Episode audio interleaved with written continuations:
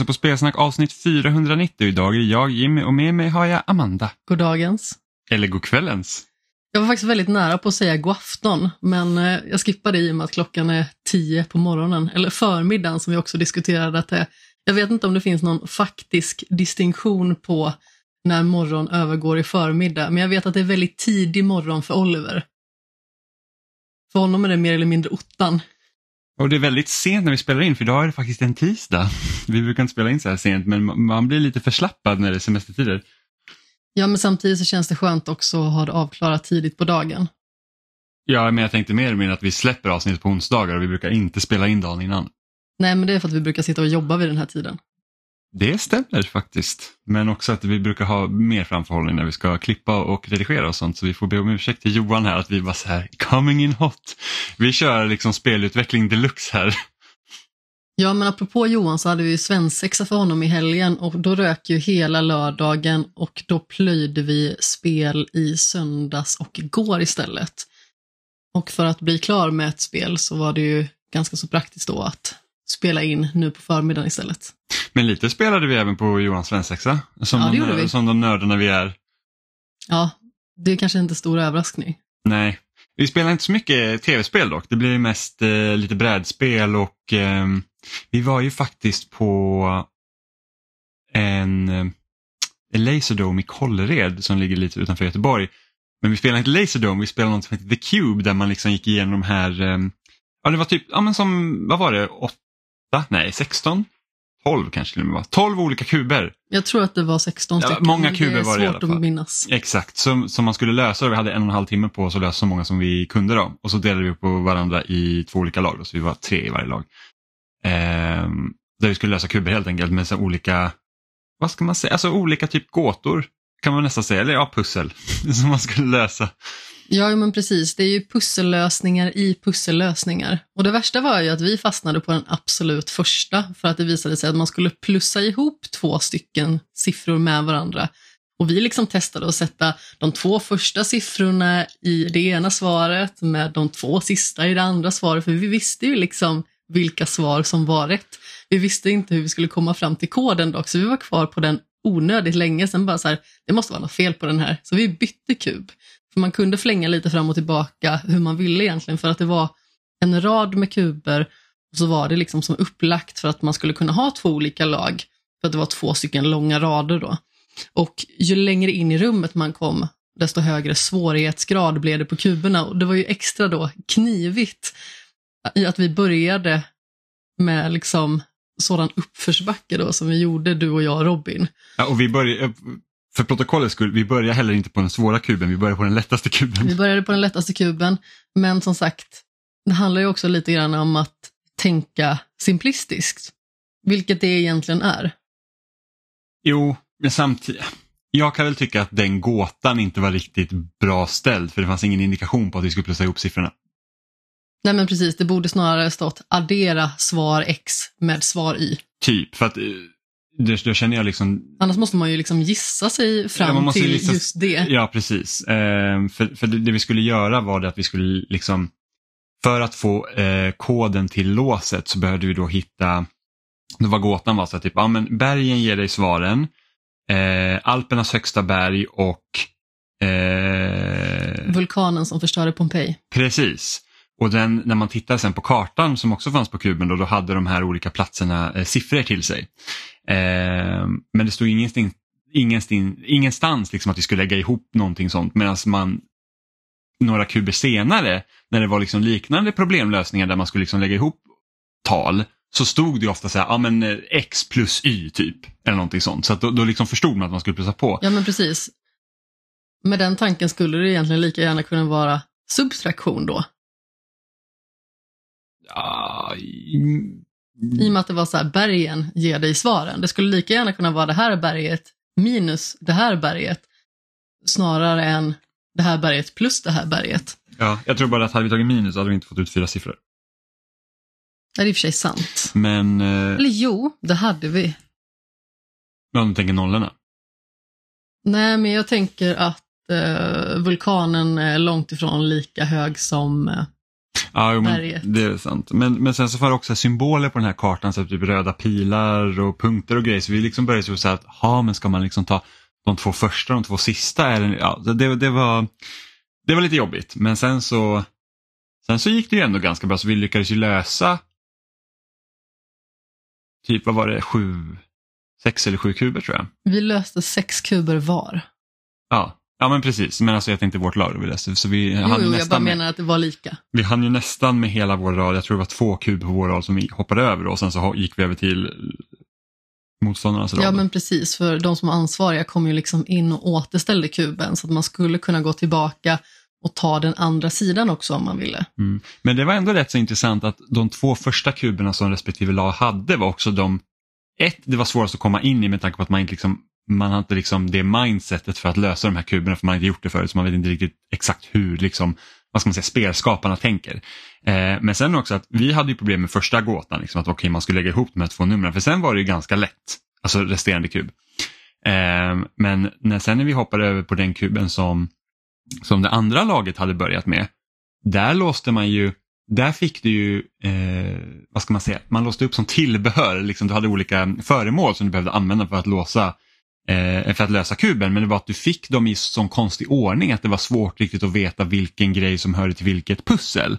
Eh, vilket gjorde att vi helt plötsligt hade, vi låg liksom längre fram i kuben än vad vi borde ha gjort vid det tillfället vilket gjorde att vi hittade svaret till en gåta längre fram men vi hade inte koden till den nyckeln för att den var liksom, det låset behövde vi låsa upp efter två pussel om man säger så. För att de här låsen var ju liksom eh, inte numrerade men de var bokstaverade enligt A till E säger vi. Och då ska du lösa liksom eh, kodlås A måste låsas före B och så vidare. Men vi liksom fick ju lösningar på den kuben till eh, pussel som låg liksom bakom lås som var senare. Så att det var liksom, den var lite rörig för att jag kände att det var det var inte som att kuber längre ner sen hade de problemen. Nej, som sagt, där gick det lite mer in i varandra. Här var det väldigt förvirrande vilken som var B och vilken som var C av lösningarna. För att vi satt där och bara, vi har det här framför oss. Ja, men sen också att vi låste upp, och, upp ett föremål som behövdes först använda efter två lås som vi inte hade låst upp än. Så det var liksom, man löser en, en, en, ett pussel och så får vi typ en, ja vi fick en, en, en träbit som man skulle sätta i um, några grejer i. Men det var att de behövde vi inte använda till det pusslet vi faktiskt låste upp med den. Utan det var ju liksom, den behövde vi använda först långt senare så det var också lite förvirrande. Men det, det var, överlag så var det en väldigt rolig, eh, rolig grej att göra. Absolut. Vi borde åka till Prison Island någon gång. Jag var där med jobbet för nästan två år sedan. Och där är det lite mer variation för där finns det liksom pussellösningar men det finns också lite mer fysiska utmaningar. Så jag tror att det är tre stycken olika kategorier. Jag kommer inte ihåg hur de benämnde dem men det var liksom mer tankenötter, eh, mer fysiskt krävande och sen var det någon till. Men det var liksom väldigt roligt på det sättet att om man har olika lag med olika personer så brukar man liksom kunna lösa det. Mm. I och med att man behöver olika karaktärer i sin grupp då för att kunna ordna det. Mm. Ja, på min svensexa så var vi på ett ställe som heter Teamtastic eh, som också ligger i Göteborg då, och då, mm, då delas vi också in i olika lag och där, där fanns det också Eh, där gick man in i ett, men det var väl åtta rum tror jag, någonting sånt. Och varje rum hade en utmaning. Och så fick man liksom, man fick se på en skärm innan man gick in i rummet, så att ah, men det här är vad eh, liksom, rummet går ut på. Och sen när man kom in dit så fick man liksom, okej, okay, hur funkar det? Så det kunde vara typ att ja, men vi ska typ trycka upp bollar genom rör eh, så att de nuddar taket. Och så kanske det är typ fyra rör som ska fyllas så får man liksom bara, man måste ju hålla liksom kvar händerna så att inte bollarna ramlar ut igen för man skjuter på dem underifrån en annat rum så skulle man fånga bollar som liksom droppar genom så här rör och, och liksom det är helt svart där inne så man ser liksom inte så man får bara försöka liksom fånga en boll helt enkelt. Eh, det var någon hinderbana och sen så var det typ ja, men det var typ musik och filmquiz och lite sådana grejer så det var också jätteroligt. Ehm, jag skulle liksom vilja, alltså jag skulle vilja hänge mig liksom att komma in mer i brädspel och sånt för jag tycker det är väldigt kul att ha liksom fysiska grejer att, att eh, arbeta med. Eh, för att vi spelar ju ändå mest digitalt kan man ju säga. Eh, men jag tycker liksom att, att charmen med brädspel tycker jag är väldigt eh, Alltså jag gillar det. Jag, jag bara liksom att man har liksom den här lilla figuren så får man röra sig och liksom det, det är liksom helt andra regler. Sen Det negativa med brädspel är det att det tar ju lite mer hängivenhet och tid egentligen. För att liksom du, du ska sätta upp det, blir ni inte klara, vad gör man med alla grejerna? Det är, liksom, det, det är lite mera jobb. Det tar också längre tid att komma in i det generellt sett tycker jag. Ja, beroende på vad det är för typ av spel då. Och beroende Eh, på vilka som är med. Så är det ju också. För att det är liksom, reglerna kan vara, alltså vi, ja i och för sig, spelar man mycket brädspel så tror jag också att man kan börja se mönster om man spelar typ liknande typer av brädspel. Liksom så att okej men det här fungerar så, det här fungerar så här i det andra spelet och då, vi slår vad om att det är massa så här som lånar från varandra. Liksom. Precis som när vi sätter oss och spelar olika shooters eller rollspel eller vad som helst. Så liksom, okej men jag vet hur det här fungerar för inom den här genren så fungerar det så. Men samtidigt så finns det ju liksom om man jämför till exempel om du kör brädspel digitalt och brädspel fysiskt så tycker jag att liksom, digitala brädspel tycker jag ofta är ganska tråkigt för att det blir ofta ganska segt. Alltså, eh, även om jag typ gillar Mario Party och så här så är det inte, det är inte samma sak som liksom spela på ett bräde men där har du liksom fördelen med att du kan ha minispelen och du kan egentligen göra vad som helst. Ja, men där har man ju också översatt det till någonting som är anpassat för digital form. Jo, jo, men sen tar vi till exempel, jag har ju spelat digitala versioner av Monopol flera gånger och jag gillar, ja, jag är en sån här, så jag tycker Monopol är skitkul, jag tycker det är jätteroligt. Eh, men liksom di digitalt Monopol är, är inte kul. Det är liksom bara så att det, det är liksom så här, det, det, man får inte det här flytet som man får när man sitter i ett fysiskt bräde. Eh, snarare. Jag spelar Trivial Pursuit också, på Wii har jag för mig. Men det måste, Det ju ändå funka, det måste väl. ändå funka ganska bra för det är egentligen bara frågesport. Ja, men precis. Och då är det liksom, då är det OK. Schack funkar jättebra digitalt till exempel. Eh, men jag tänker så här mer, mer avancerad rollspel. Jag vet jag och Robin försökte ju spela Armello eh, för flera, flera år sedan som var också typ som ett brädspel. Vi spelade väl typ ett, en gång, han tyckte inte om det. Och jag ville gärna ge den eh, mer chans men jag vann också ganska hårt så att det kan nog ha bidragit till att han inte var så överdrivet förtjust. Ehm, men som sagt, jag har ju faktiskt, jag fick ju hem Drakar och Demoner igår. Eh, som är en nyutgåva av den här svenska rollspelsklassikern. Som är liksom så här att, ja men det kan ju vara kul liksom. Eh, och sen har jag också backat eh, Elden Ring eh, brädspelet på Kickstarter och The Last of Us-spelet på Kickstarter. Så det hoppas jag också blir kul. Så man får chans att spela lite. Ja, alltså jag hade jättegärna bara velat nörda ner mig i brädspel men det, är så det kräver ju lite extra effort för att göra det också. För ett, man måste ju vara fler personer fysiskt som träffas i så fall. Det går liksom inte att sitta själv. Ja, generellt sett så går det ju bättre om man är ett gäng som spelar tillsammans och kanske att man faktiskt är samma gäng som gör det också. Liksom, för att då har man ju lite grann koll på vem som tar, tar vilken roll, vem som har koll på liksom olika detaljer när det kommer till spelet och sådana grejer. Sen så spelade vi lite brädspel, fast av de lite mer simplare sorterna på Johan svensexa också. Jag tänker bara flika in dock att om man gillar det här med escape rooms och liknande som vi pratade om tidigare så kan både du och jag rekommendera Escape Academy som vi spelade förra sommaren. Vill man höra om det så finns det ju avsnitt där vi också tar upp det naturligtvis. Men då kan man söka sig tillbaka till i fjol helt enkelt. Ja men Escape Academy var ju faktiskt väldigt liksom en bra digital take på escape rooms. Mm, liksom. perfekt att spela två personer. Inte Ja. för långt, inte för komplicerat men man var ändå tvungen att tänka liksom. Ja, och då kan jag också slå ett slag för Portal 2s co-op-läge som också har likheter med, liksom, med escape rooms egentligen. Med, med tanke på att du också går in i rum där som du måste lösa. Mm, ja men precis. Men åter till brädspelen, för då spelade vi ju När då då, som vi spelade första gången när vi var hemma hos Martin. Ja, Eh, vilket egentligen också är en form av frågesport, bara det att du behöver inte kunna svaret precis, utan du behöver liksom kunna sätta det inom ett form av, där pös den, kolan, rejält, jag tur att det inte pös över i alla fall. Eh, man behöver kunna sätta det inom ett årtalsspann egentligen. ja man bygger en tidslinje. Ja, så du har en fysisk tidslinje framför dig. Du får börja med ett kort, säg att det är 1950 och så får du en fråga som du då kan placera före eller efter. Och ju längre in i spelet du kommer, desto knivigare blir det för att du får fler eh, årtal att eh, förhålla dig till. Såvida inte det var som någon gång där vi liksom hade typ 1800-talet båda två och sen så var det liksom 2000-talet och sen så var det typ 1400-talet. Då har man ju lite att spela med. Men frågorna kan också vara kniviga för om man liksom inte känner till det helt och hållet eller ens har ett litet hum om det, då kan vissa saker låta väldigt mycket mer moderna eller åldrade för den delen än vad man tänker sig. Så det blir ju lite så gissningslek också ifall man inte känner till vissa ämnen. Jag tycker ändå att jag har nog inte någon kategori som är jättesvag. Däremot när det kommer till sådana grejer som man inte känner till, då kan det vara ganska så svårt att eh, komma fram till om det är liksom modern tid eller om det liksom är riktigt gammalt.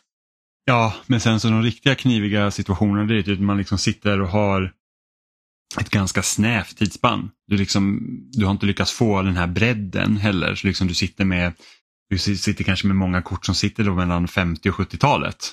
Och liksom där det är bara några få år som, som eh, skiljer och då är det skitsvårt om du får ett kort som ska placeras någonstans däremellan. Ja men verkligen, men det är ett spel vi kan rekommendera i alla fall till egentligen alla grupper för att det fungerar väldigt bra alltså typ i familjesammanhang. Man behöver liksom inte vara en ultranörd för att kunna spela det. Det går att spela med mamma och pappa eller med släkten eller kusinerna eller vad det nu kan vara. Men det går också liksom att spela som vi, ett kompisgäng, alla i samma ålder.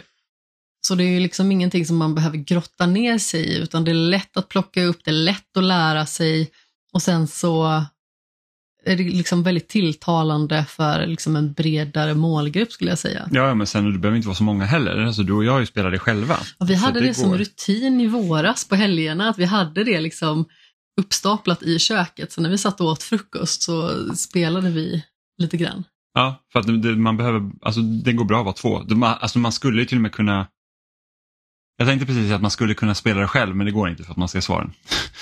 Ja, det blir lite knivigt då. Man hade, man hade kunnat gjort en version. En digital version. Eh, ja, man hade kunnat gjort en digital version som, som, som, man kan spela själv. Där man får frågorna och så har man bara sin egen tidslinje. Så ja, spelar man mot datorn så att säga. Men sen spelar vi också Codenames. Det är ett spel som jag har propsat på att vi ska spela ganska så länge för att det är någonting som jag har tyckt har varit superkul när jag väl har testat det med vänner tidigare. Och det är egentligen att man har ett bräde med 25 rutor på alla rutor representerar ett ord. Det är två lag och i varje lag så har man en person som liksom får se spelbrädet egentligen och vilka ord som tillhör respektive lag. Och sen så har vi en eller flera personer då som sitter på andra sidan som får ord som liksom ska referera till de orden som är på spelplanen egentligen. Så det blir egentligen lite så här med andra ord, att man ska försöka hitta olika typer av referensramar och sen helst försöka kunna binda samman det med så många ord som möjligt, men man måste också vara lite försiktig för att det finns, precis som tidigare nämnt, ett annat lag. Och om det skulle vara att de har något ord som är liknande, då skulle man kunna ta deras ruta och då får ju de poäng istället. Eller så skulle man kunna ta en blank ruta, vilket inte gör egentligen så mycket. Men det finns också en lönnmördare, vilket innebär då att om man hamnar på lönnmördaren så förlorar man spelet till slut. Så den som är spelledare för sitt lag måste ju helt enkelt men vara lite försiktig. Tänka ut vilka ord man kan använda sig av utan att sätta sina spelkompanjoner i skiten. Och sen så förlorade vi ju Martin precis när vi skulle börja spela det här, så att jag fick vara någon form av spelledare för båda lagen. Men det funkade också ganska bra, eller hur? Ja men det gör det. Alltså det, det gör egentligen ingen skillnad. Det, det gäller ju bara liksom att man har typ en Dungeon Master som bara liksom ger ledtrådar till båda lagen och sen så får man ju klura varefter man vill. Eh, problemet är ju det att när, när spelledaren har liksom båda sidorna så är det liksom så att man liksom, då kämpar man inte för sitt eget lag. Så då, då kan det liksom bli lite bökigt att okej okay, men hur, hur gör man nu så att ledtrådarna blir så rättvis för båda sidorna som möjligt. Medan är man två hela lag så blir det så att då, då kämpar man för sitt eget hela tiden. Men eh, det fungerar ändå väldigt bra för att det, det roligaste där är diskussionerna under tiden som man har med sin lagkamrat vilket ord man ska välja. Eh, så, så att det var kul. Så jag var i lag med Robin och sen Oliver och Johan var i ett lag också. Ja, men som sagt, jag tycker också att det funkade ganska så bra att vara den som gav ledtrådar. Jag försökte vara så opartisk som möjligt, försökte att hela tiden se till lagets bästa liksom. Men det, det kan ju vara knivigt att vara opartisk också. Jo, men så, ja, men så är det. Men så det är också det liksom att så, hur, hur, ska man, hur ska man tänka då om man har, för man måste ju ha koll på båda lagens ord. Det är det som också är det kniv, knivigaste, liksom, så, okay, men hur ska jag linda in så att, så att inte den ena får fördel gentemot den andra beroende på vilka ledtrådar man ger. Så det, det är ju en, det är en svår balansgång men, men som sagt det funkar om man var ojämnt antal. Det, är liksom, det, det, det var inte svårare än så egentligen. Eh, men vi har inte bara spelat brädspel, vi har ju vi har ju faktiskt spelat lite digitala spel också och eh, vi har ju båda två börjat med eh, Yakuza Like a Dragon. Eh, äntligen, vilket liksom har jag har ju velat spela det här spelet väldigt länge, egentligen ända sedan det utannonserades för jag tyckte att det var så himla intressant det här att man tar en, ett spel som egentligen är inom genren beat em up eller liksom street brawler och sen gör man det till ett renodlat rollspel egentligen. Och nu, nu, nu är det inte så att Yakuza inte haft några rollspelselement i sig alls eftersom att det finns ju uppdrag och man uppgraderar Kiryu och lite sådana grejer. Eh, men striden har ju varit liksom att man pucklar på eh, sina fiender. Liksom, det liknar mer typ Streets of Rage och den typen av spel från 90-talet än vad det liksom gör typ Final Fantasy, och nu kanske Final Fantasy inte är världens bästa exempel med tanke på att 16 är i princip också typ slash Devil May Cry eh, aktigt men, men liksom så att det är turordningsbaserade strider i Like a Dragon och det har det inte varit tidigare.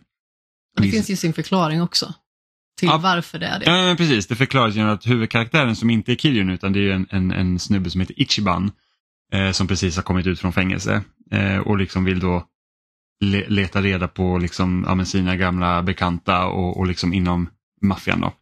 Eh, och han, han älskar Dragon Quest.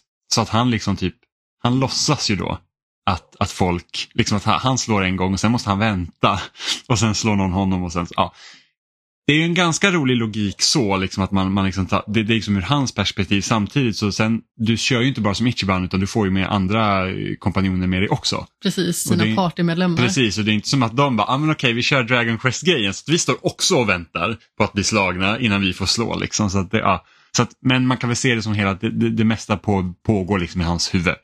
Eh, så att säga. Ja, han är ju lite av en knasboll. Ja, det är han och han skiljer sig ju Alltså han skiljer sig en del från Kirju även om jag tycker att de båda liksom har lite av samma kvaliteter. Liksom att det är så att, ja, men, båda har väldigt så här stark vilja om vad de tycker som är rätt och fel och de vill gärna stå upp för det och de tycker det är liksom gott. Lite godtrogna. Eh, lite godtrogna, precis. Skillnaden är bara att Ishiban är ju mer skruvad. Alltså han, han är lite mer av en goofball medan Kiryu är liksom Kiryu är dumt blåögd. För att han liksom är så här, han är superseriös och sen så bara, aha, nu blir jag typ lurad igen. Medan Ichiban är så här, han typ jag blev lurad, ja men det var väl typ väntat även om jag inte kunde se det komma. typ. Eh, det är väl lite så jag skulle säga att de är skillnaden för jag tycker inte att alltså, karaktärerna är egentligen inte så olika varandra som de skulle kunna vara. Men du har ju inte spelat Yakuza tidigare så vad tycker du liksom? Nej men alltså, jag tycker det är väldigt intressant för att jag trodde ju att man skulle få börja spela som Ichiban Kasuga när han liksom kommer ut från fängelset men man får ju faktiskt bekanta sig med honom liksom 18 år innan han liksom gör, börjar göra den resan också. Så det är ju egentligen så att man är ju med i det här Yakuza-nätverket och man har blivit eh, upptagen då som eh, tonåring och egentligen någon form av liten hantlangare och är ganska så lågt rankad.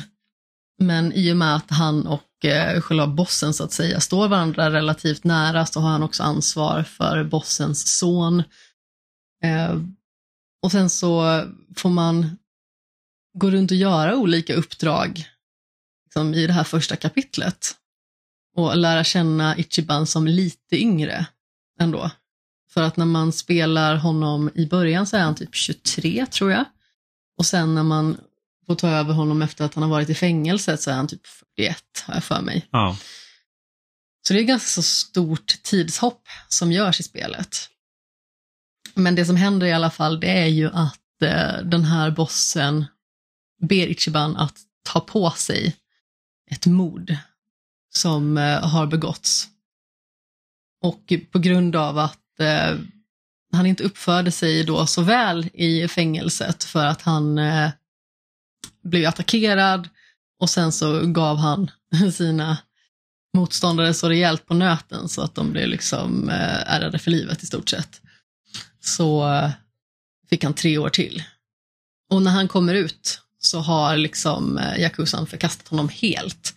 För det är liksom så att han måste avsäga sig rätten för att vara med i Yakuzan innan han då åker in i fängelset.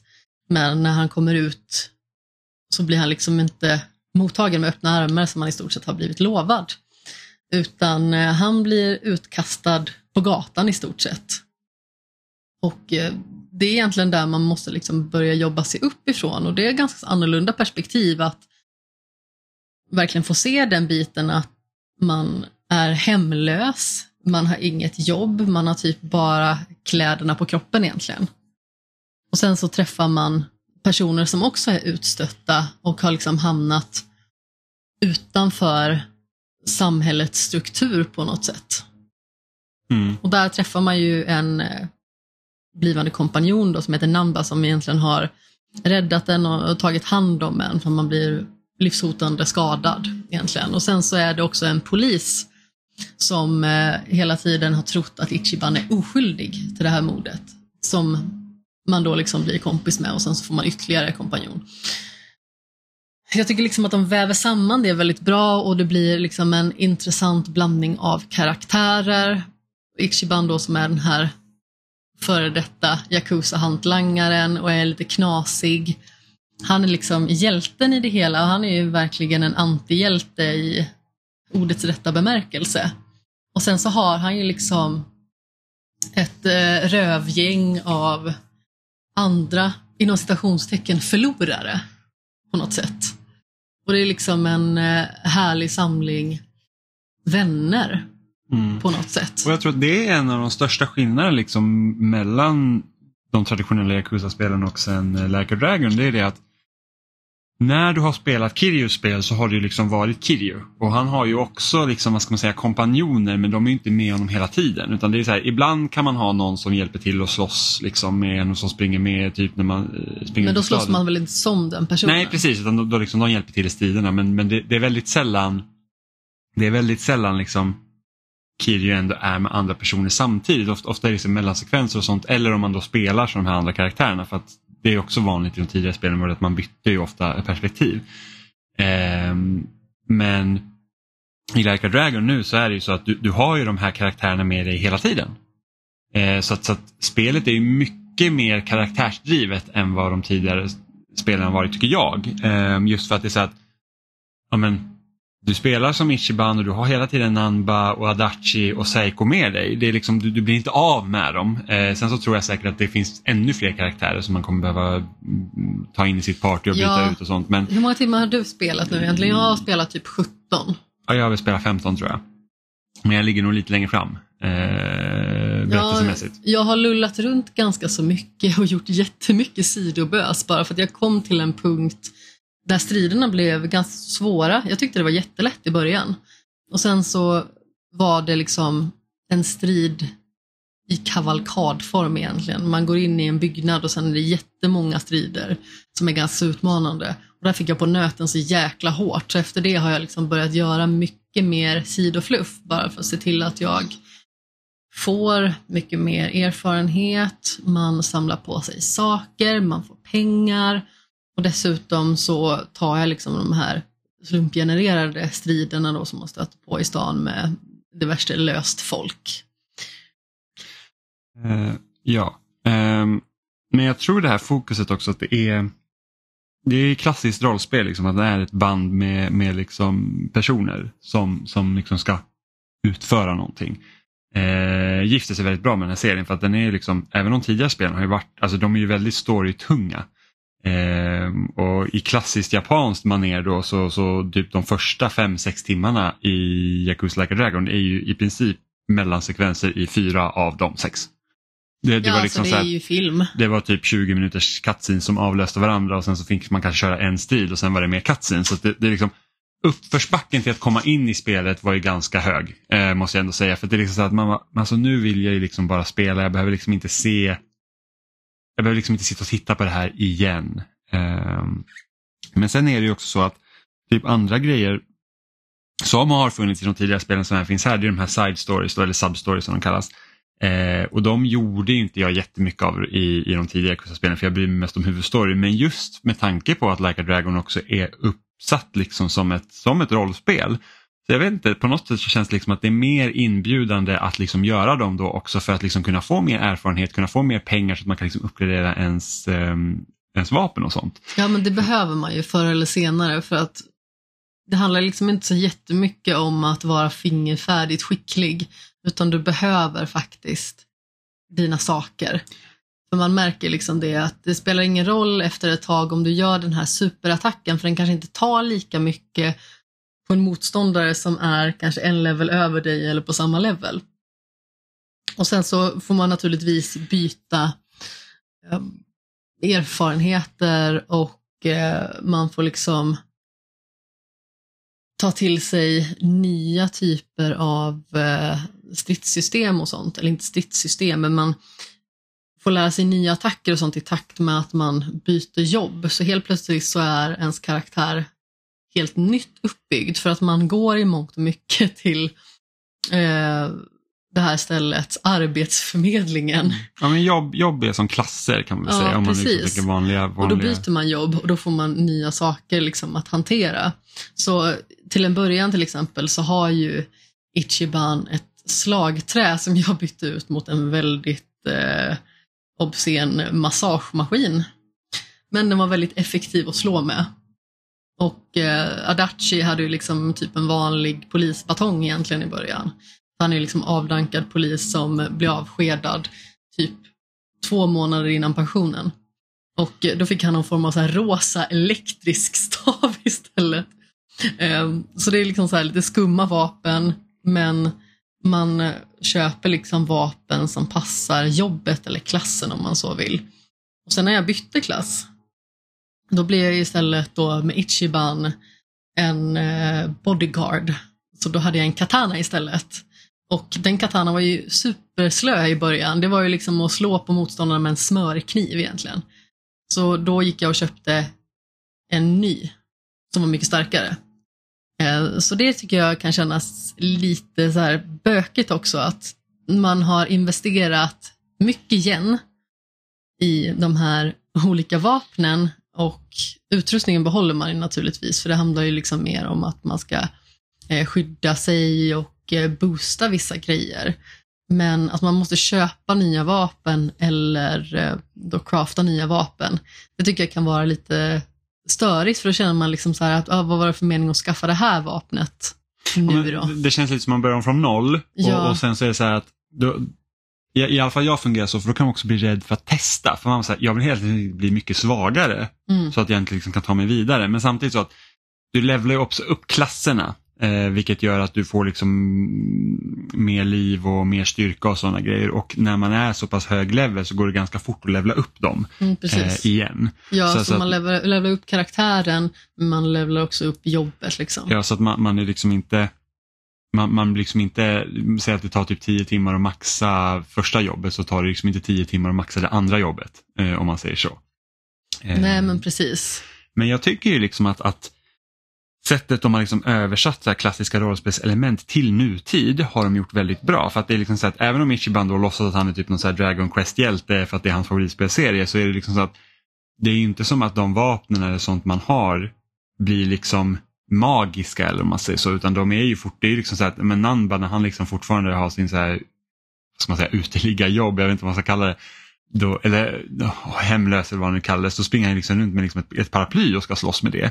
Och sen så kan man ju såklart byta klasser då så att man får Och köpa andra. ett mer fabulöst paraply. Precis, men liksom de hade ju liksom Yakuza Like a Dragon är inte det enda liksom rollspelet som utspelar sig i en verklig värld. Det gör ju även Persona, men Persona har ju en väldigt så här magisk touch till sig just med att man liksom går in i de här typ drömliknande dungeons och liksom möter typ demoner. Och där liksom förvandlas ju karaktären till ja, men sin persona som har liksom ma- magi och allt annat. Liksom. Och här funkar det ju inte så utan här är det ju verkligen så att det, det är liksom riktiga grejer. Så att när Nanba även har då sin hemlösa klass och han ska typ ja, men han ska då använda sin eldattack Eh, då tar han liksom en alkohol och dricker en klunk och sen så sprutar han ut eld. Liksom, precis som man, du vet, om man ska typ... Ja, men precis. Han tar fram en tändare. Ja, ja men exakt. Eller typ så att ja, men nu ska jag göra så att de här typ karaktärerna blir Ja, men de får typ sämre defens och då spyr han på dem. Liksom, för att det, så att allt är liksom, det är ju det, det är inte så att så det är här, absurt. det är ju absurt men det här fortfarande liksom, allt är, har ju liksom ursprung ur realism om man säger så. Det är liksom inte som att han, han liksom knäpper med fingrarna och sen så typ trollar han fram eld utan det är liksom så att okej okay, men hur får vi eld i den här kontexten? Liksom. Ja men exakt och sen så om vi pratar om Nanba så blev han musikant för mig som sitt nästa jobb. Då går han runt med en akustisk gitarr och slår på folk istället. Och som specialattack så kastar han CD-skivor. Ja, så det, det är liksom så det, det är fort, har ju fortfarande den här absurda liksom, touchen till sig samtidigt som det är så här superdramatiskt liksom, i huvudberättelsen. Eh, ja, men som jag gjorde ett sidouppdrag när man liksom ska leta efter en hemlös eh, kräfta eh, som han kallar Nancy. Och sen så när man har räddat Nancy då, då visar det sig att enda anledningen till att han ville ha Nancy var för att äta upp henne. Och då har Ichiban har fått ett sånt band till Nancy så att man liksom bara, nej men du får inte döda Nancy så man tar Nancy med sig och sen så blir Nancy en, en sån specialkompanjon man kan ringa in då om man har problem i strider vilket är liksom så här, det, det, det, är ungefär som Ja men det är så Yakuza-versionen av Far Cry 5 där man kunde ha en björn som heter Cheeseburger som hjälpte en liksom i, i Ja eller. Summons. Ja, ja precis sak. Så det, det är ju faktiskt det, det är absurt men fortfarande liksom allt är liksom gjort med en, en realistisk kontext till sig. Så att det, det är faktiskt eh, väldigt bra. Och jag tycker verkligen att det här skiftet liksom i ton, eller inte i ton, men skiftet i genre gör sig också väldigt bra. Jag trodde att jag skulle känna så här att okej okay, men det kommer kännas väldigt mycket annorlunda att spela med turordningsbaserade strider mot att liksom bara puckla runt med Kiryu. Men det är faktiskt inte så stor skillnad. Det går rätt fort också. Ja, men det, det går fort men liksom, det känns inte annorlunda att när jag möter liksom, fiender ute på stan så är det inte så här att ja men gud vad mycket segare det här känns utan det är liksom, nej men det, det, fungerar, det fungerar rätt så bra. Jag tycker att den, den översättningen känns så bra. Sen så vet inte jag hur det kommer kännas när man spelar nästa Yakuza-spel som har samma, eller jag vet inte hur de kommer ändra stridssystemet eller hur de gör men liksom om, om det kommer liksom att när väl spel 3, 4, 5 i, i samma liksom typ av, av, av genre då, om det kommer kännas som att ja, men nu känns det liksom gjort. Medans med Kirju, liksom, nu spelar jag ändå de spelen, var ändå sex stycken spel där man liksom slåss på det sättet och det kändes, de tweakar ju alltid mellan spelen såklart men det var ändå så här att det är inga andra spel som riktigt spelas på det sättet medan det finns gott om turordningsbaserade rollspel. Mm. Eh, så man får se då. Men jag tycker Eh, ändå att det här är väldigt olikt mycket annat som man spelar. Alltså framförallt så är ju den här eh, japanska kontexten som är ganska så olik vår kultur. Den bidrar ju med så otroligt mycket. För att de har ju liksom eh, ett annat uttryckssätt i, i relation till oss. Vilket jag tycker är eh, någonting som gör att det liksom blir lite knasigt. Men samtidigt så är ju många av de här berättelserna också oväntat, alltså både rörande och ganska så mörka. Det finns ju till exempel en sidoberättelse där man stöter på en av de hemlösa och den här mannen har liksom blivit kompis med en liten pojke som eh, går i skolan, älskar att läsa och han vill göra någonting fint för honom så han snickrar honom en bokhylla men pappan slänger bort bokhyllan. Och eh, sen så visar det sig liksom att det är inte bara för att pappan är världens jäkla taskmört som han gör det, utan han har det också jobbigt. Så det finns ju liksom hela tiden alltså, nyanser i det hela. Och jag tycker att de balanserar upp det här eh, galna, tossiga i alltså stridandet och det. Som liksom är lite överdådigt, man slåss med typ slickepott och vad allt kan vara.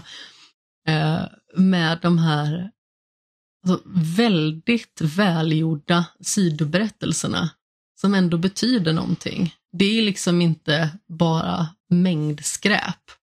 Det är liksom inte bara hämta den här grejen och ge till den här personen så får du en kaka. Utan det ger ändå väldigt mycket mervärde till världen och berättelsen som helhet. Sen så finns det ju knasiga sidouppdrag också. Ett till exempel där man är på en biograf och då är liksom ett minispel att man inte ska somna. Så ja, men, jag tycker att det är liksom intressant balanserat. Ja, och där har vi också grejen som, som vi pratade om för några veckor sedan med Final Fantasy 16 där det var så att det du gör i Final Fantasy 16 är att du slåss eller du går och pratar med folk och tar eh, föremål A till Y. Eller ja. Medans i Yakuza Like a Dragon så finns det ju många minispel, det finns många olika aktiviteter att göra så även liksom majoriteten av spelet är liksom att du egentligen pratar med folk och slåss. Så fin- alltså, du kan spela go-kart, sådana här liksom biominispel, liksom, det händer sådana här tokiga grejer som du liksom inte riktigt har förväntat dig. Man som åker gör- runt med en jäkla cykel och samlar pantburkar. Ja, så, så att det, liksom, det blandar upp gameplayet också med tanke på att spelen är så pass långa och omfattande så blir det liksom inte det behöver inte bli monotont även om många delar i spelet är monotona. Eh, vilket är väldigt skönt. Och det är ju lite så här, så såg ju spel ut förr mer.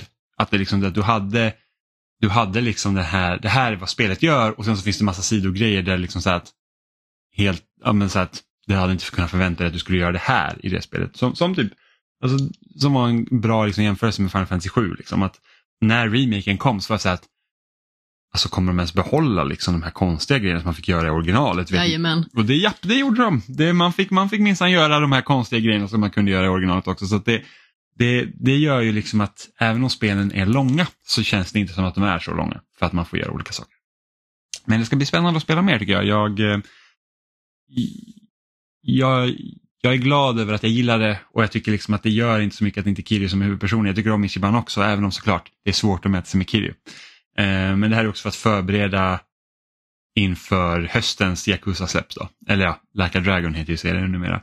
Eh, där Kiryu kommer vara huvudpersonen igen och jag antar att det är det spelet som också kommer spelas som de klassiska Yakuza-spelen sedan tidigare. Förmodligen. Och sen så kommer det ett nytt spel med Ichiban till våren. Yes, och där kommer också Kiryu vara med. Så det är ju det, är det spel som kommer i höst som bryggar Gott plus mellan gott. sjuan. Ja men precis, så att jag, jag är faktiskt, även om jag tycker så här att Kiryu kunde fan, de kunde ändå låta Kiryu vara med tanke på att liksom, hans berättelse är klar. Liksom, han, han kunde äntligen liksom Kiryus berättelse är aldrig Nej, klar. men det var så, han kunde äntligen liksom så ge sig av. Vi har liksom tagit över stafettpinnen till någon annan, men nej. De tog in honom igen. Men det, som sagt, det, men det här spelet är väldigt bra. Det, det roligt att de ändå kunde göra en sån genreväxling och sen så liksom ändå liksom kunna behålla det som gör serien vad den är. Och, och, liksom, och jag tycker en av de största styrkorna är verkligen i ensemblen som liksom är med hela tiden. Det är, liksom, det är lite mer Mass Effect över det. Just med tanke på att du knyter ännu hårdare band med dina kompanjoner än tidigare. Ja. Jag vet inte riktigt om jag kommer gå tillbaka och spela de gamla Yakuza-spelen. Alltså det är inte helt omöjligt att jag gör det och att jag gör en Jimmy och plöjer igenom alla sex liksom i, i stort sett ett svep. Men samtidigt så, alltså det känns kanske inte riktigt som min grej, men när jag ska testa det här kommande spelet då i höst så får jag väl se liksom om jag får blodad tand på den biten också. Sen är jag ju däremot ännu mer sugen på att testa Like a Dragon Ishin, som är liksom det här eh, eh, dåtidsbaserade spelet med liksom samurajer och sånt istället. Som ska vara liksom av samma knasighetsnivå som Yakuza. Bara det att det istället utspelar sig flera hundra år tillbaka i tiden med mer eller mindre katana och samurajtofs Kiryu. Mm. Alla borde spela Yakuza Zero. Det är verkligen kanon det spelet. Och så ska man spela något Yakuza så är det det. Okej. Eh, men, vi har inte bara spelat Like a Dragon. Eh, jag har även spelat Pikmin 4. Som släpptes i förra veckan. Eh, och, och det roligaste med Pikmin 4 är att jag tror att kan det ha varit någon gång typ 2015 eller någonting sånt när Nintendo sa att Pikmin 4 var klart och de har bara väntat på att släppa det. Sen vet man inte vad som hände med det för att nu är det liksom 2023 och äntligen fick vi Pikmin 4. Eh, jag tror det var när det var som mest speltorka på Wii U liksom, och folk började undra liksom, vad var det spelen så var det så här, men Pikmin 4 är typ klart. Eh, så, så vet inte jag vad som hände med det. Och nu är Pikmin 4 här flera år senare. Eh, och det följer egentligen samma mönster som de tidigare Pikmin. Eh, för de filurerna i den här världen, de verkar ha världens sämsta rymdprogram med tanke på att de alltid kraschar på en planet. Eh, som måste rädda dem och nu är det så att kapten Olimar för typ 88 gången kraschar på en planet och är borta. Och då är det upp till The Rescue Corp att rädda honom. Så när de beger sig till den här planeten för att rädda kapten Olimar så kraschar de också på den här planeten. Och då är det upp till mig, en själv, att rädda först sin besättning och sen rädda kapten Olimar. Eh, och första gången i serien så får man faktiskt skapa sin egen karaktär, vilket är ganska kul. Mm -hmm. eh, faktiskt. Eh, men så för de som inte vet vad Pikmin är, då, så då är det, man, man är som en liten filur och sen så hittar man sådana här typ växtliknande små miniatyrgubbar typ som har olika förmågor som man liksom då eh, som kan hjälpa en att bära saker. Eh, och genom att bära saker så, ja man behöver liksom skatter och sånt. För, eh, så som det första spelet till exempel, då är det så att då behöver man hitta Olimars liksom delar till skeppet för de har liksom spritts eh, över planeten. Då eh, när han kraschade. Så då ska man hitta dem för att han ska kunna ta sig därifrån. Och nu är det så att ens rymdskepp är liksom, man har liksom inget bränsle så man behöver liksom energi för det. Så då, då samlar man då skatter som omvandlas till bränsle. Eh, för att då kunna, liksom, ja, kunna ta sig därifrån och liksom kunna eh, besöka mer av planeten då så att man kommer iväg. Eh, mm. och så har man de här små pickmin som man då liksom fångar, eller fångar egentligen, men man man hittar dem och sen så föder man upp flera egentligen genom att typ samla så olika pellets och döda fiender och sånt och man tar tillbaka till sin bas och sen så eh, skickar man, så, så får man fler helt enkelt. Eh, och de här har liksom olika förmågor så du har ju fortfarande den här klassiska röd, blå och gul från första spelet och sen så är egentligen varenda olika Pikmin-art från de tidigare spelen är också med här men de ny, det nya för eh, Pikmin 4 är Ispikmin som fryser fiender vilket gör att striden är betydligt lättare i det här spelet än någonsin tidigare. Eh, och sen har du också eh, Glow Pickmins eh, som enbart, man har dem enbart på natten. Och det här är också första gången i seriens historia man faktiskt får spela under natten. Eh, för ofta har det varit så att du, du har en timer liksom över dagen och sen liksom dagen är slut så går man tillbaka till sin bas och liksom åker man upp då i orbit för att liksom inte vara nere på marken när det är som farligast. Eh, men nu finns det även eh, nattliga expeditioner då. Eh, och det skiljer sig ganska mycket från hur man spelar dagtid. För dagtid är fortfarande att du, du löser liksom pust, du, du utforskar liksom det här kartområdet och du samlar skatter och du hoppar ner i grottor och, och liksom fortsätter leta skatter och löser liksom små pussel för att egentligen lösa hela kartan. Och sen på natten så är det typ Tower Defense. Eh, och där har du enbart de här glow pigments då, för de, de funkar på natten bara. Eh, och de är liksom immuna mot vad ska man säga, statuseffekter som att de kan inte bli brända och de kan inte bli elade och de kan inte bli förgiftade och, och etc. Men de kan fortfarande dö om fienderna liksom äter upp dem. Eh, så då gäller det liksom bara att man man ska egentligen bara se till, man ska skydda sin bas och sen så, så, så ska man döda fienden som kommer. Och genom att liksom få fler sådana här glow pick så gör man sin armé större så att man liksom mer att eh, röra sig med. Eh, tycker fortfarande att Glow Pikmins är typ de minst bra utnyttjade Pikmins.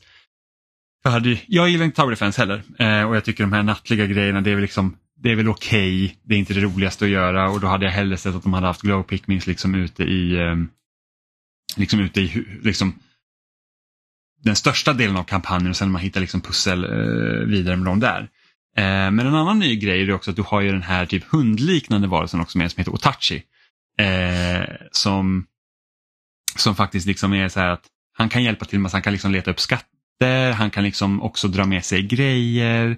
Eh, man kan också rida på honom och så kan man ha alla pickmins liksom med sig på eh, Otachi då, så att man tidigare har det varit så att man springer runt med sin gubbe och sen så följer alla pickmin efter dig. Vilket har gjort att ibland kan det vara lite svårt om det är så trånga passager och sånt och sen så ja, råkar typ hälften av pickmin ramla ner i vattnet och dö. Eh, men här kan de rida på hans rygg och det är ganska enkelt att ta sig runt på banan. Liksom, och, och man kan skydda också pickminen med och just med att de sitter på honom så att det inte någon blir någon eftersläntrad och sånt. Så det är ju det har faktiskt gjort att det är väldigt roligt att utforska de här kartorna för de är rätt så stora och rätt så omfattande. Alltså det tar, nu har jag gjort så att jag har 100% av varje område som jag varit i eh, och det tar några timmar att göra det. Eh, och jag tycker att Pikmin 4 till skillnad från tidigare Pikmins har heller absolut ingen tidsgräns. Och nu vet jag så att jag tror det är bara första Pikmin som haft riktigt så här hård tidsgräns också där det liksom är så här att du har de här 30 dagarna på dig. Sen efter det är det kört och sen tror jag de har blivit snällare och snällare. Och jag, jag, som sagt, jag kunde inte ens minnas att Pikmin 3 hade tidsbegränsning men tydligen så hade det men det var så generöst att det spelar ingen roll. Eh, här så finns det ingen tidsbegränsning. Det är liksom inte så att så här många dagar så måste du klara utan det är liksom, du är helt fri till att liksom, eh, utforska efter eget bevåg. Så att då, då, då sitter inte den pressen där heller. Och jag vet liksom inte riktigt vad jag föredrar. Jag gillar ju väldigt mycket Pikmin 1 just på grund av det. Att det är så att okej okay, men det är de här 30 delarna du ska ha, det är på de här 30 dagarna du ska göra det på så att deal with it liksom. Eh, Medan här är liksom, så här kan man ta liksom, så att ah, okay, det, en dag kanske inte går så bra, liksom, man, man har inte ut, eh, åstadkommit lika mycket som man hade tänkt. Eh, men det gör liksom ingenting. Och det är så att, visst, man, man, man eh, förlorar lite när den nerven inte finns kvar men som sagt, jag har inte känt av någon tidspress sen typ första Pikmin heller så att det har inte liksom varit i serien helt och hållet heller på det sättet. Sen så kan man ju ofta såklart sätta upp mål för sig själv, liksom att om jag ska klara spelet på x eh, antal dagar liksom, och så, så kan man utgå efter det. Jag tror att när jag fick se de första eftertexterna i spelet då hade jag spelat 30 dagar. Eh, vilket är rätt så eh, intressant att de har eftertexter i spelet som att det är som att du är typ klar men spelet fortsätter med en ganska stor del efter det. Eh, så att när du ser eftertexterna första gången så är du inte klar utan det kommer mer efter det. Eh, så jag har inte klarat spelet än även om jag trodde det igår när jag såg eftertexterna först. Eh, men jag gillar spelet väldigt mycket. Jag tror att det här ja, nu är det kanske lite nyhetens behag också, men jag skulle ändå säga så att det här är, det här kan nog vara det bästa Pikmin tror jag. Eh, jag tycker verkligen att det är jättebra och det är väldigt harmoniskt liksom, att kunna spela det liksom, och verkligen ta det lugnt och bara så här supa in atmosfären. Eh, och just det här typ att det finns väldigt många grottor också, det är inspiration från Pikmin 2 där det fanns liksom där, där mycket av spelet utspelar sig, liksom att utforska de här eh, underjordiska systemen. Eh, och här finns det också grottor, men de här grottorna är nästan som Alltså de fungerar nästan som bonusbanor. Liksom. Att det är så att okej, okay, men nu har du en grotta och det finns så här många olika nivåer i grottan. Och sen ska du lösa den helt enkelt och där inne kan man liksom behöva använda olika typer av Pikmin för att lösa vissa problem. Ehm, jag hade nästan önskat att det här spelet skulle vara ännu pussligare än det är. Jag tycker liksom inte riktigt att jag får, för nu finns det ju så många olika typer av Pikmin och jag tycker inte riktigt att jag måste tänka vilken typ av Pikmin jag måste använda i, i många situationer utan oftast är det liksom att det, det går att lösa ganska bra ändå. Ehm, Medan i ettan som jag också spelade, det är inte så många veckor sedan jag klarade det, liksom, så var det verkligen så att ibland krävdes det verkligen att nej men här måste du ha blåa Pikmin för att sen så ska du kunna avlösa dem med gula Pikmin och sen ska du kunna avlösa dem med röda Pikmin. För att du måste köra den sekvensen för att röda Pikmin tål eld, eh, gula Pikmin kan bära bomber och eh, kastas högt och blåa Pikmin kan andas under vatten. Eh, och ibland så behövdes de typer av Pikmin liksom för att ja, men du måste kunna lösa pusslet, det går inte annars. Ehm, och här finns ju vissa delar sånt men med ispikmin till exempel så kan du frysa vattendrag med tillräckligt många så du kan bara slänga dem i vatten. Och det gör så att okej okay, men då behöver inte jag blå pikmin här för jag kan gå över isen istället eh, och sen, sen liksom ta grejerna på det sättet. Eller så kan man också köra vattenvägen, liksom, då har jag bara blå pikmin med mig så kan man gå på det sättet. Så det finns lite olika lösningar men jag hade ändå önskat att det så att spelet skulle utnyttja ännu mer. Liksom så att okej okay, men nu har vi sju olika Pikmin-arter som alla är liksom starka på vissa grejer och vissa pussel kanske man måste säga att ah, men du får köra med de här Pikmin här. Eh, vissa grottor utifrån formade så. Jag hade någon grotta där det var så att okej okay, men du får bara ha med dig blåa pickmins här. Eh, och där när man sen kom till den då var det massa så el och eldfiender som hade varit enkelt att lösa om du hade haft gula eller röda pickmins. Eh, men nu med blåa så behöver man liksom tänka annorlunda. Okej, okay, men då måste man vara försiktigare så att de inte dör av elden och hur ska man tackla fienden. Liksom så. Men jag hade ändå hoppats på liksom tydligare pussel som gör så att okej, okay, men de här pickmins måste använda. Sen så kan det också vara en konsekvens att du kan bara ha tre Pikmin-typer ute samtidigt. Så att jag kan liksom inte ha en armé av alla Pikmin-sorter utan man får alltid välja tre och då kan det vara så att det hade också kunnat vara irriterande när man kommer liksom till, en, till, en, till ett ställe och det är bara så att okej okay, jag kan inte komma vidare för att jag har fel Pikmin med mig så måste man gå tillbaka så måste man byta och sådär. Så, att det, jag kan tänka mig att det kan vara en konsekvens av det. Eh, att man, eh, man inte vill att Eh, att man inte vill liksom att det ska bli för mycket springa fram och tillbaka för att du inte har rätt Pikmin-typer. Och då är det fortfarande så att hur ska du, du, hur ska du då göra ett pussel som inte känns jobbigt att lösa om du bara får ha tre Pikmin-typer? Då kan det inte vara så att du behöver typ ha fem Pikmin-typer till det här pusslet. Så att man går dit med tre och sen så löser man först den här pusslet, sen går man tillbaka och hämtar nya Pikmin. Så att, så att de kan förmodligen ha liksom löst efter liksom bästa förmåga. Eh, och jag tycker fortfarande spelet är kul. Jag hade bara hoppats på att det liksom har känts mer som problemlösning många gånger än vad det faktiskt är. För i mångt och mycket så är ju spelet ett stort collectathon, liksom, att du ska samla de här grejerna. Eh, och så får du liksom typ lösa banorna, men de är inte så svåra. Hade du önskat att det liksom skulle vara ännu svårare? Nej, jag tror inte att jag, för jag, så här, jag bryr mig inte om att striderna ska liksom vara svårare och så, utan jag tycker att det är ganska bra. Jag behöver inte känna att jag behöver stångas i huvudet mot en fiende som jag tycker är svår. Utan det är liksom, då vill jag hellre liksom ha så att det är ett pussel jag ska lösa. Um, för det är ganska hemskt när Pikmin dör och de dör ganska brutalt också. Det är liksom, men på olika sätt, till exempel en, en av de värsta fienderna jag vet är en liten så här, silverfisk. Okej, okay, en liten silverfisk, det är, det är en grå fisk. Så att den liksom, när man kastar Pikmin på den så vänder den sig till slut om och sen skjuter den ut spikar från liksom sin mun. Och den spetsar ju liksom Pikmin. Och sen så, ah, så det är en faktisk fisk och ingen silverfisk? Ah, nej, nej, precis. En saftig. Det, det, är en fisk som är grå. Den ser silveraktig ut, det var därför jag sa silverfisk. Det är ingen silverfisk, det är en fisk. Eh, och det skjuter ut spikar och så dör de och sen så finns det andra fiender som rullar på dem och lite sådana grejer. Så det är liksom... Och du kan bli av med Pikmin väldigt snabbt. Alltså jag hade en grej igår där det var en fiende som hoppade upp i luften och bara landade typ på hela min hög på Pikmin och det var typ 50 stycken som dog direkt. Och det var bara så här, jaha. Nu finns det en rhyme-funktion i spelet som man kan liksom spola tillbaka eh, en dag eller liksom, eh, eller, så att man liksom inte helt körd liksom om det dör. Om man gör ett dåligt drag så är du inte fast med det beslutet om du inte vill.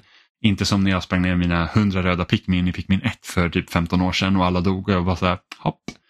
Eh, men då var jag också sånt, jag ville verkligen inte att Pikmin skulle dö. Nu bryr jag mig inte lika mycket, även om det såklart är jobbigt eh, när de dör, men det är liksom så att oh, fine, um, I, I will make more.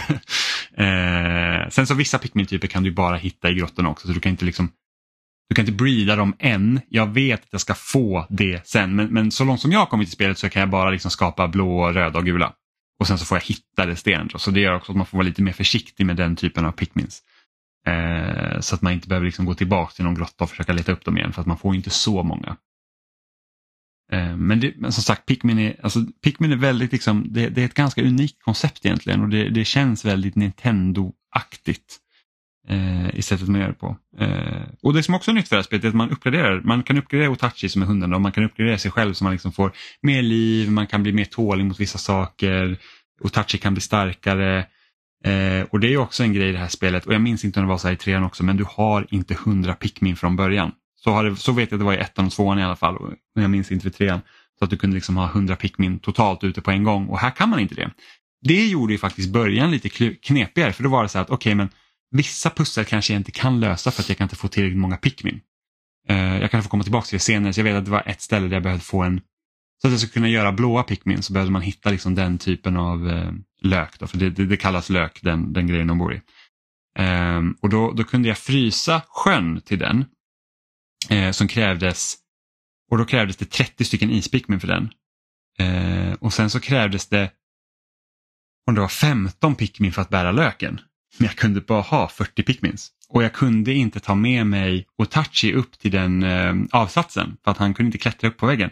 Eh, för att han, han har också liksom en styrka av x antal pikmin och sen kan man uppgradera honom. Så, han, liksom, så nu, min Otachi just nu, han är värd 100 pikmins liksom, när han drar saker så det är jättebra. Men då kunde han inte det. Och han kunde inte följa med upp och då blir det liksom så att okej, okay, men jag kan inte få tag i den här nu för jag har för lite pickmins, så jag måste liksom leta efter andra skatter. Eh, så på det sättet var det ganska kul liksom att okej, okay, men jag behöver uppgradera min, jag kan liksom lösa de här grejerna. Men nu, nu har jag kommit så långt i spelet så nu har jag liksom det mesta. Så att då är liksom så att då är inte det några problem längre.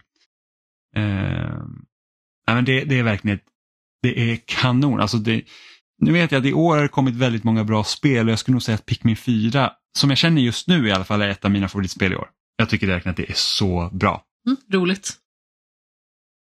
Ja, det är väldigt roligt. Jag får se om jag spelar det inom den närmsta tiden.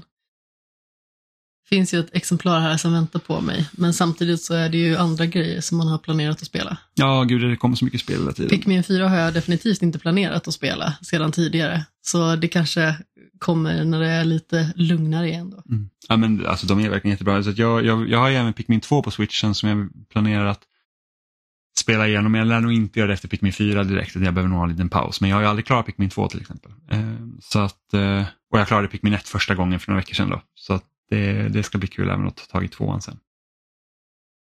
Men, ja, och en av de bästa grejerna med Pikmin 4 är också att, alltså att kontrollera spelet är ju verkligen, alltså det fungerar verkligen väldigt bra. Eh, liksom hur man hanterar Pikmins och hur man liksom kan zooma ut och in med kameran och så. Sen är kontrollschemat lite bökigt. Eh, jag tror inte att de har liksom de har inte använt knapparna på bästa sätt känner jag. Eh, ibland tar man lite fel kommando. Sen så kan man typ ändra liksom D-paden så kan du lägga till dina egna shortcuts hur du vill. Vilket är såklart bra. Men jag tror att inkorporeringen av Otachi har gjort att de har behövt ändra eh, kontrollschemat mer än vad tidigare. Eh, så nu har man till exempel inte en, vanlig knapp i de tidigare spelen var det att man hade den här disband-knappen. Liksom, så att man säger okej okay, men nu, får, nu, nu, nu ska inte ni följa efter mig och ni får gruppera er i era liksom, eh, respektive färg. Då. Eh, och den, finns, den knappen finns ju inte längre där vart den brukar göra utan den får man sätta till då på, en, på D-paden till exempel. Så det, det, är lite saker man måste vänja sig med. Jag tycker det är lite bökigt men annars så liksom de så quality of life improvements som man gjort med kontrollschemat och hur man liksom styr Pikmin är jättebra.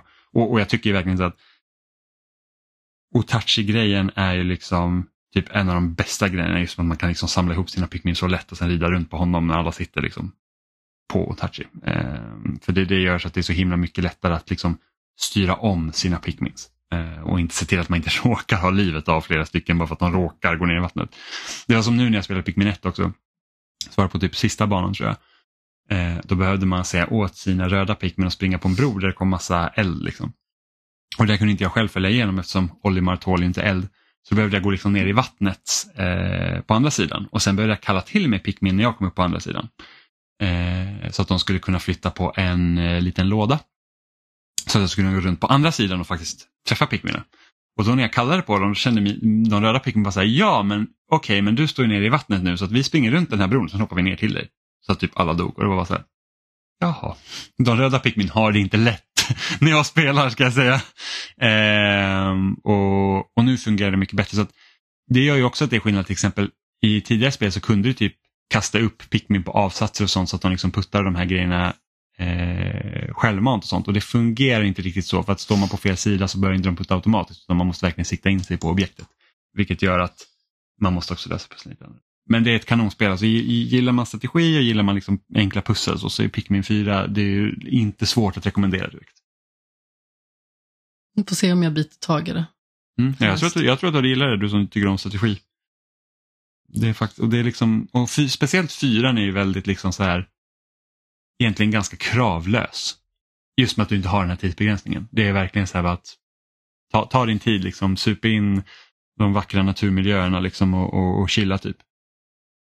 Så att det är verkligen superbra.